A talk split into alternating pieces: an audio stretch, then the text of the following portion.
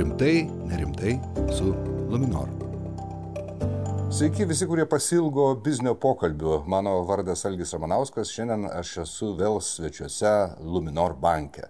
Ir visi tie iš jūsų, kurie nori pradėti verslą, o galbūt jį pratesti jam prieš tai nelabai gerai nusistovėjus, įtempkite ausis, nes mes šiandien kalbam su savo lauko specialiste, kurios vardas yra Diana Kačianauskaitė. Sveiki, Diana. Labą dieną, Algi. Ir jūs esat Luminor finansų konsultacijų skyriaus vadovė.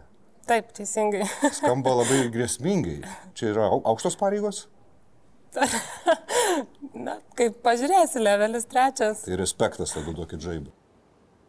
Mes kalbėsime šiandien ne tik tai apie paskolas, apie klaidas kalbėsim taip pat ir kaip tų klaidų išvengti. E, Pradėkime nuo aktualių. Dėl kokių konsultacijų šiandien vis dar gyvenam, kai mes karantinę kreipiasi verslas? Koks dažniausias klausimas būna? Uh -huh. Atsakant į šitą klausimą, aš iš tikrųjų norėčiau atsakymus įskaidyti tokias tarsi dvi dalis. Uh mhm. -huh. Dalis klientų, kurie kreipiasi, jie yra nenukentėję nuo pandemijos padarinių e, ir jie tiesiog e, vykdo savo įprastą veiklą, plečiasi, planuoja kažkokias investicijas, tai kreipiasi pasiskolinti pinigų. E, kitigi, pavyzdžiui, įsikūrė elektroninės parduotuvės, jiems reikia komercijos sprendimų, reikia gebėti iš tų klientų išsimti, pasimti tiksliau tiksliau įmokas, ne, už jų parekės parduodamas arba paslaugas, na tai dėl tokių paslaugų. Arba labai buvo vienu metu išplitęs rautas tų žmonių, kurie vykdo verslą pristatydami prekes e, klientam į namus, jiem reikėjo kortelių skaitytuvų, kad galėtų surinkti... Kurjeriai atsiskaitimus, taip, mokėjimo kortelėmis. Tai, tai tiesiog, sakyčiau, business as usual, ta prasme, klientai kreipiasi dėl jiem reikalingų paslaugų tam, kad jie galėtų savo veiklą vykdyti ir toliau. Kita va, ta dalis, ne, yra tų klientų, kurie vis dėlto yra nukentėję nuo, nuo karantino reikalavimų ir pačios pandemijos. Ir čia irgi turėčiau taip išskirti tokius du etapus. Taip. E, pirmas etapas tai buvo tada, kai buvo paskelbtas pirmasis karantinas.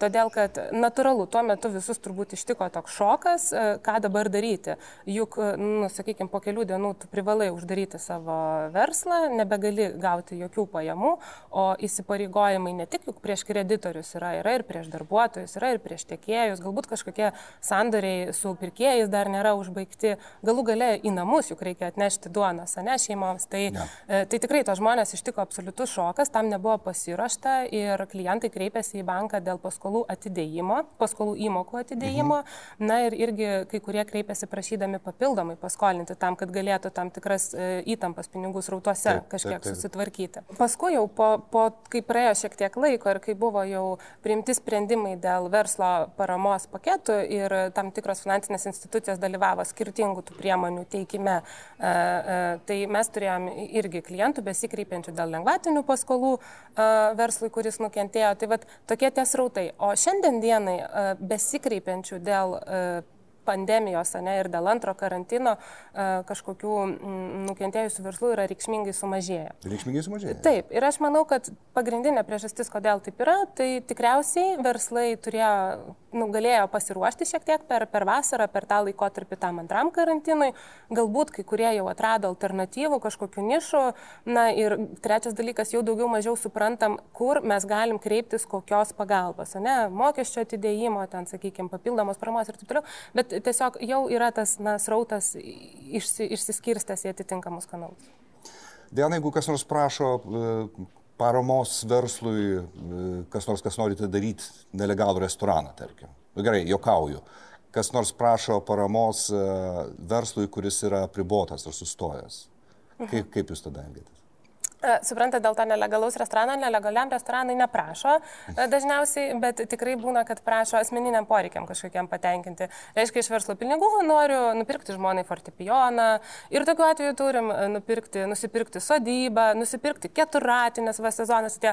Tai tikrai tokių, tokių pasitaiko atveju ir, ir, ir turėčiau pasakyti, kad priklausomai nuo tam tikrų aplinkybių gali, gali kartais pasisekti tam verslui tų pinigų gauti, jeigu mes nesukontroliuosim tos paskirties. E, tai, tai, tai taip, taip ta, toks gyvenimas yra ir smulkus verslas jis neretai ir yra ta vieta, kur iš esmės namų ūkiai yra sukūrę savo darbo vietą. Aha. Ir jie turi tą tokį na, e, jausmą, kad mano verslas ir yra mano atlyginimas, nesvarbu, kaip aš jį dabar susimoku. Taip. Tai, tai tikrai susidurėm su tokiam kurioziniam situacijom.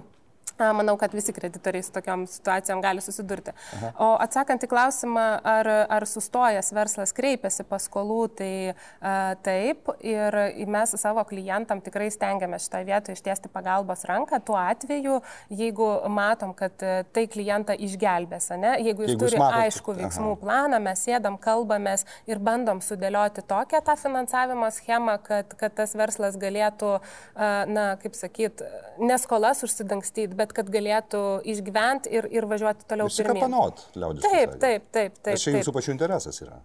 E, na, kaip pasakyti, ir mūsų, ir visuomenės, ir, ir ekonomikos, tai čia toks, sakyčiau, gal ir, ir, ir, ir galėtume priskirti prie kažkokių, na, socialinio.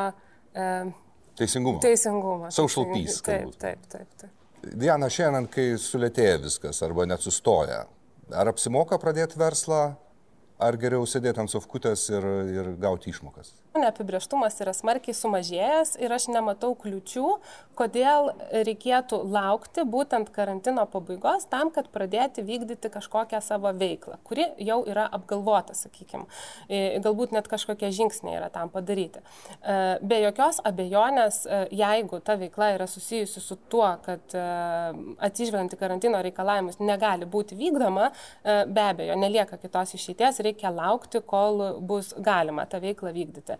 Bet aš siūlyčiau to laiko taip nešvaistyti veltui ir pasigalvoti, galbūt kažkokia dalimi mes galim pradėti tą veiklą vykdyti, arba ten pavyzdžiui pradėti reklamuotis, pasididinti savo žinomumą, jo. na ir pasiruošti tam tikrą dirbą jau tam startui, kai karantinas, sakykime, pasibaigs ir tu galėsi tą veiklą legaliai pradėti daryti. Diena, aš išduosiu mažytą paslaptį. Aš turiu sutaupęs dabar apie, negaliu sakyti tiksliai kiek, bet ten yra didelė suma pinigų. Puiku. Ar galiu sauliaisti. Bet aš nežinau, kokį verslą šiais laikais man pradėti. Šiais apribojimo karantino laikais, kas man, kas, ką jūs darytumėt mano batose, kas protingiausia būtų.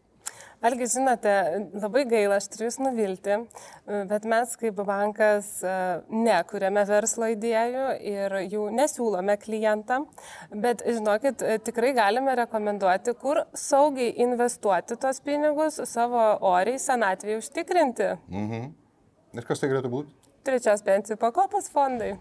O jeigu rimtai, tai, uh, žinote, šita pandemija ką parodė? Parodė, kad klesti praktiškai viskas, kas yra reikalinga uh, žmonių gyvenimo kokybei pagerinti, kas yra reikalinga namų ūkių gerbuvio gerinimui. Ir tas rytis labai plati. Na, praktiškai galima, galima, galima ieškoti tų nišų ir sričių, ką daryti. Ne? Mm. Bet uh, tas verslas, jis dažniausiai negimsta taip, kad vat, žiūriu, stebiu, kas dabar paklausau ir staiga pradedu daryti. Pradedu daryti. Kartais pavyksta. Nu, pavyzdžiui, pavyzdžiui, kai kovo mėnesį praeitų metų trūko, buvo deficitas kaukių, kažkas taiga pradėjo siūti, užsidirba, bet mūdu algi jau pavėlavom tai daryti, Tikrai, ne? Arba šių metų kovo pasirodo dviračiai yra ant bangos, branksta, trūksta, deficitas visam pasauliu jų darosi, irgi pavėlavom, reikėjo užsipirkti pernai dabar pardavinėti, bet čia nebūtų turbūt labai jau tvarus verslas, tai būtų tokie kvikvinai kažkokie, mm. ne, va čia paėmiau, padariau, užsidirbau pinigų ir quick, galvoju toliau. Quick win. Taip, kvikvinai. Yeah. Bet um, jeigu kalbėti taip nu, apie tą normalų verslą, tai jis dažniausiai vis tiek gimsta iš tam tikros jūsų veiklos, gimsta iš kažkokio hobio, galbūt draugai, pažįstami, kažkas kažką siūlo daryti kartu ir taip išsirutulioja tą idėją. Tai, tai aš tikrai negaliu patarti kažkokios konkrečios veiklos, ką šiuo momentu imti ir daryti tam, kad tai būtų tvaru ir, ir reikalinga, nes ta aplinka šiek tiek dinamiška pasidariusi. Turim ir tam tikrų žaliavų trūkumas, neformuojasi ir, ir, ir tam tikros, sakykime, tie žmonės yra sukaupę per daug, daugiau negu įprastai a, pinigų susitaupę ir yra linkę mokėti brangiau už tam tikrus a, daiktus, nekilnojamą turtą, už kurį gal anksčiau tiek nebūtų mokėję. Mhm. Tai ta aplinka yra tokia labai neapibriešta, tai aš tikrai ne, nesiryšiu rekomenduoti konkrečios nišos, ką kurioje daryti. Dabar daliai verslo akivaizdu, kad trūksta apivartinių lėšų, tiesa? Aš turiu minėti tos verslus, kurie vis dar uždaryti ir apriboti ne savo norų. Ką patartumėt tokiems, kai išėjimas iš karantino dar nelabai matyti, o ateitį vis dėlto tenka planuoti? Tenka skanuoti. Iš tiesų tikrai labai sunki tema. Ir e, tenka susidurti su tokiais verslais ir jų netgi žmogiškai atrodo, noris juos palaikyti kažkaip. Aš labai labai norėčiau, kad Lietuvoje greičiau susidėliotų tokia situacija, kad visi verslai galėtų lygiaverčiai e, turėti lygiavertės sąlygas ir, ir, ir konkuruoti, ir dirbti, ir vykdyti tą savo veiklą. Na, bet klausite jūs manęs apie patarimus, tai pirmiausia, ką norėčiau patarti, Ir ne tik karantino metu, bet visada reikia ieškoti alternatyvių kažkokių kanalų, kaip savo veiklą vykdyti, plėsti ir, ir, ir taip toliau. Pavyzdžiui, galima visada galvoti, kur dar aš galiu parduoti savo prekes paslaugas, ne? ką galiu šiek tiek gal susijusią su savo veikla padaryti, praplėsti savo tą asortimentą vadinamą, ne? kuris gali pasiekti ir, ir, ir kažkokį kitą tą papildomą klientą, ieškoti tų rinkų naujų ir kaip prie jų prieiti. Tai, tai, tai tikrai rekomenduočiau ieškoti tų alternatyvų. Ir e, taip e, mačiau, be abejo, smulkiausiam Lietuvos verslui tikrai yra sunkiau padaryti tą žingsnį greitai, ne, ir jeigu aš turiu tik tais fizinį pardaviminį tašką, e, staiga turėti elektroninę parduotuvę, juk jinai užtrunka ir laiko, kol ją sukūrė, šiek tiek painvestuoti reikia ir dar išreklamuoti. Bet e, galiu pasakyti tokių pavyzdžių, kad e, ką pamatėm po pirmo karantino, kai kurie e, mažesnių, pavyzdžiui, miestų krautuvėlės kokios nors perkelia savo produkciją į socialinių tinklų zoną, ne, e, perkelia jau egzistuojančią egzistuojančias e-komercijos platformas ir jie ne tik, kad išlaikė savo pardavimus, bet jie ir e, padidino tos pardavimus, praplėtė klientų e, ratą ir m, tikriausiai gali tai būti, kad kai kurie klientai niekada gyvenime nebūtų atvykę į tą konkretų miestelį, į tą konkrečią krautuvėlę. E, ir aš pilnai suprantu, yra tokių verslų, kur atrodo labai sudėtinga, neįmanoma, ne, pereiti į internetinę erdvę. Pavyzdžiui, renginiai. Bet jeigu mums šiandien kas nors pasakytų, kad mes pandemijoje praleisim 10 metų, tai a, klausimas, ar nevertėtų pasižiūrėti kūrybiškai šitą situaciją ir jeigu aš esu žiauriai geras renginių vedėjas, gal aš galiu daryti nuotolinius renginius. Nusivaizduokit, vyksta jubiliejus. Vienam būte name viena šeima, kitam būte kita šeima, per televizorių, ten per kompiuterį, per ekraną yra renginio vedėjas ir jis mums daro kažkokią programą, tą, kurią galbūt darytų atskirai. Na, nu, aš suprantu, kad skamba gal crazy, utopiškai. Žinokit, skamba nei kiek neutopiškai, nes aš esu vedęs ne, ne visai tokių renginių, mhm. bet, bet tos korporatyvus vadinamus, Taip. nuotoliniu būdu Veda. aš ir mano kolegos mes vedam šiais laikais. Taip, ir, ir, ir mokymai, ne visi, kur buvom taip, taip, fiziškai taip. pripratę, ir tam tikri koncertai pasidarė nuotoliniu būdu. Aš pilnai suprantu, kad garsas kitoks kitoks kokybė, kita Taip. emocija, kita. Bet tai yra, na, kūrybinis sprendimas, kaip bent jau išgyventi šitą laikotarpį, nes visi turbūt suprantam, ta pandemija netruks amžinai ir, ir, ir, ieškoma tų būdų, ne, vakcinos atsirado ir taip toliau, kaip gyventi normalų gyvenimą. Tai aš tikrai kviečiu, vat, patarimas mano toks, visada ieškoti alternatyvų. Ką galiu daryti kitaip? ką galiu, kur galiu dar pardavinėti, mhm. kokiu kanalu, kaip galiu būti labiau žinomas, matomas ir taip toliau. Kitas mano patarimas būtų išnaudoti šitą ramų, neramų laiką, kaip jį pamatuotum ir pavadintum, tiem dalykam, kam paprastai mes neturim laiko užsisukę toj savo rutinoje, ne, ne, vis atidedam kažką, to ne, negaliu dabar ir taip toliau. Tai užsimti tai strateginiais veiksmais, pasižiūrėti, paieškoti kitų tiekėjų, ne, gal kažkokios kainas pasilyginti. Mhm. Na, paieškoti, padaryti tokių e, veiksmų, grinai strateginių, ko paprastai gal nedarai. E, arba, pavyzdžiui, galbūt metas yra atnaujinti savo patalpas, tos veiklos, kur vykdai, ne, jeigu resursai leidžia ir galimybės leidžia. E, kita vertus yra tokių pavyzdžių, kas, kas jau ir ruošiasi tam vasaros sezonui. Ne? E, tai, e, tai šitągi, tai tikrai labai rekomenduoju, rekomenduoju užsimti ir tai strateginiais veiksmais. Na, o pabaigai tai tiesiog linkiu tikrai visam Lietuvos verslui kuo greičiau pradėti gyventi normaliomis sąlygomis. Diana, kokių verslų Luminor nefinansuotų, net jei tai neštų gerą gražą ir būtų visiškai legalu? Kitaip sakant, kur yra ta raudonoji linija? Mhm. Ta, ta raudona linija iš tiesų yra uh, toj srity, kur yra tikrai visiškai nelegalu, kur verslas netitinka jokių vertybių ir moralės normų, ne, kur ne, ne, negalim žmogiškai kažkaip vertybiškai priimti. Prekyba žmonėmis ir panašus. E, nu, prekyba žmonėmis nėra legalu, bet taip, pažiūrėjau, azartiniai kažkokie lašymai, tai, tai, tai kas skatina gal ne, ne visai. Nelabai etiška. Nelabai etiška, taip. Tai Tai va, kita, kita dalis, kogi e, bankas galėtų atsisakyti finansuoti, tai tokio verslo, kurio perspektyvos labai miglotos. Pavyzdžiui, galbūt šiandien dieną generuoja puikią gražą, bet e, va čia tas mano pavyzdys su tom kaukiam, mane arba dviračiais, tuo momentu tu paėmė padarėjai, bet tai jau nebeturi ateities tokios Taip. tvarios ir tu nebeuždirbsi tiek pat, kiek uždirbai mhm. anksčiau, gal kažkiek testinė kažkokia veikla bus. Tai jeigu mes matytume, kad ta ateitis, tos perspektyvos miglotos ir ta graža nebus tokia, kurios pakaktų aptarnauti tą įsipareigojimą, tai, tai tikėtina, kad tas sprendimas būtų neigiamas. Kita vertus, kalbant vat, apie tą legalų verslą, kuris generuoja gerą gražą ir yra su testinė kažkokia na, tendencija, Tai irgi atliekant e, vertinimą, vertinami ir tam tikri kokybiniai kriterijai, ne, atsižvelgiam ir į juos. E, Sakykime, klientas, e, atsižvelgiam į kliento kredito istoriją, buvusią mokumo istoriją. Taip, taip, taip. Ir, ir vertinam, kaip tas klientas bendradarbiavo su savo skolintojais, ar buvo kažkokių nepaaiškinamų konfliktų, ar vis dėlto vengia jis ten to bendradarbiavimo. Na, kokia kultūra šitoje vietoje. Kitas dalykas - reputacija tiek pačios įmonės, tiek įmonės vadovų, akcininkų, kokie tie žmonės kokia jų kultūra verslo mhm. vykdymo, ar jie vykdo savo įsipareigojimus prieš savo tiekėjus, pirkėjus, ne, kaip jie dirba su savo partneriais. Galbūt jie, tarkim, turi labai daug ginčytinų situacijų su savo klientais ir, ir tai, nu, tarsi, mm, indikuotų mums, kad e, gali taip nutikti, kad tie ginčiai sužlugdys tą verslą. Pavyzdžiui, jeigu mes vertintume tos investicijos paskirtį ir matytume, kad klientas, ta, klientas neatskleidžia, ne, nenori atskleisti, ja. mums ta investicija atrodo kažkokia miglota, nėra bendradarbiavimo, nesuprantam, kur tos pasiskolintus pinigus nori išleisti, tai, tai irgi galėtų būti tam tikras toks trigeris, kad na, ar tikrai reikia į tai investuoti. Mhm. Mm, vėlgi, to, tų pačių akcininkų strategija, ką jie su tą įmonę nori toliau daryti. Ne, būna pasitaiko tokių atvejų, kad, kad, kad tikslas yra pasiskolinti ir kiek įmanoma susimažinti tos įmonės nuosavą kapitalą, ne, paliekant tą įmonę su, su mažesniu gal likvidumu. Tai, tai tikrai tų va, tokių raudonų vėliavėlių, aš pavadinsiu, yra, yra nemažai ir aš visų jų turbūt neišvardinsiu, bet e, gal pagrindinis toks dalykas, kad mes tikrai vertinam visumą.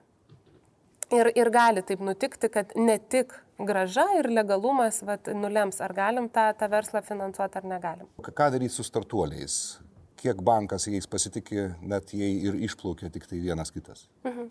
E, pradžioje aš siūlyčiau taip apsitarti, kas yra startuolis. Mhm. Na, kokia ta savoka, nes startuolis, startuoliui mano supratimu nėra lygų. Pavyzdžiui, ateina startuolis, sako, Diana, aš turiu idėją. Samdysiu penkis darbuotojus, nuomosiu patalpas, užsipirksiu kažkokias žaliavas ir darysiu čia kažką ir, ir pardavinėsiu. Ja. E, na, žinokit, e, tikrai labai didelė tikimybė, kad mes negalėsim to, tokios tos idėjos finansuoti. Na, mes juk nesame investicinis bankas, ne? Nu, prasme, tai mes ne, ne, ne, ne idėjas finansuojam. E, tai E, tai tokiu, tokiam klientui tikrai patarčiau pasinaudoti, pavyzdžiui, verslumo skatinimo programą. E, galima pasiskolinti iki 25 tūkstančių eurų su Invegos garantija, ten iki 120 mėnesių, tai vad idėjai, turint verslo planą, įgyventi. 120 tai, mėnesių? Taip, trukmiai tokiai. Ir, ir nu, tai nėra bank, bankė skolinama priemonė, labiau neišsiplėsiu, bet klientam, kuriem aktualu, tikrai Invegos e, svetainėje oficialiai galima pasižiūrėti. Jeigu tokia priemonė netinka dėl kažkokių priežasčių arba nesutinka, sutinka, ne, už juos garantuoti, nu, tai nelabai kas lieka, tik tais ieškoti investuotojų, ieškoti privačių kažkokių investi mm. investicinių ne, fondų, ieškoti žmonių, kurie norėtų investuoti. Na, tokių kaip aš, kur prikaupė kelią. Taip, tokių kaip jūs, kur yra prikaupę ir kurie gali palaikyti arba tiesiog taupyti pinigus ir, ir, ir bandyti tą verslą na, įgyvendinti. Jeigu mes pasikalbėtume apie tą kitą startuolį, kuris jau turi kažkokią vertę, Ir ta vertė gali būti tokia, kad jis jau turi ir kažkokią galbūt gamyklą, galbūt jis yra jau sukūręs kažkokį produktą, būna su appsais dabar, ne? E, tai, tai tokiais atvejais šiek tiek yra kitaip, nes mes jau turim kažką apčiuopiamą. Tai nėra tiesiog fiks idėja ir aš vad bandau daryti. Pasitaiko ir tokių situacijų, kad yra, pavadinsiu taip, kad tam tikras tvirtas užnugaris, ne, ne, ne dėdė kažkoks ten su, su raumeniu, bet žmogus, kuris tą verslą vykdo ne pirmą kartą ja. E, ir, ir gal turi sėkmingai, sėkmingai išvystytų verslų pavyzdžių. Ir, ir, ir supranta tą rinką, supranta, ką daryti, ko imtis. E, e, ir netgi, pavyzdžiui, esant tam tokiam blogajam scenariui, kad nepasisektų tą idėją, tai tikėtina turėtų kaip tuos nuostolius padengti. Tai su, tokiu, su tokia idėja, nu ne idėja, verslu, startuoliu yra didesnė tikimybė, kad toks startuolis galėtų gauti finansavimą, bet irgi nėra, nėra, nėra būtinai. Tai aš visada kviečiu tiesiog kalbėtis su, su skolintu ir visada labai aiškiai leisti suprasti savo tuos privalumus, kurie gali E, na, pasirodyti gan tvarūs argumentai. Diena, įsivaizduokim situaciją. Smulkus verslas nori finansavimo, bankas lyg ir nepasitikė, tai nuo ko pradėti? Ką čia rekomenduotumėt iš karto daryti? Kiek čia valstybė gali prisidėti? Mhm. Žinote, man e, tikrai labai nepatinka, kai e, klientai arba jūs sakot, bankas nepasitikė klientų, netiki to kliento. E, e, bankas negali skolinti visiems, kuriais nori pasitikėti. Dėl to, kad e, banko veikla yra reguliuojama, mes privalom atitikti tam tikrus reikalavimus, tam kapitalą, portfelio, kokią kokybę, ne, visokie dalykai.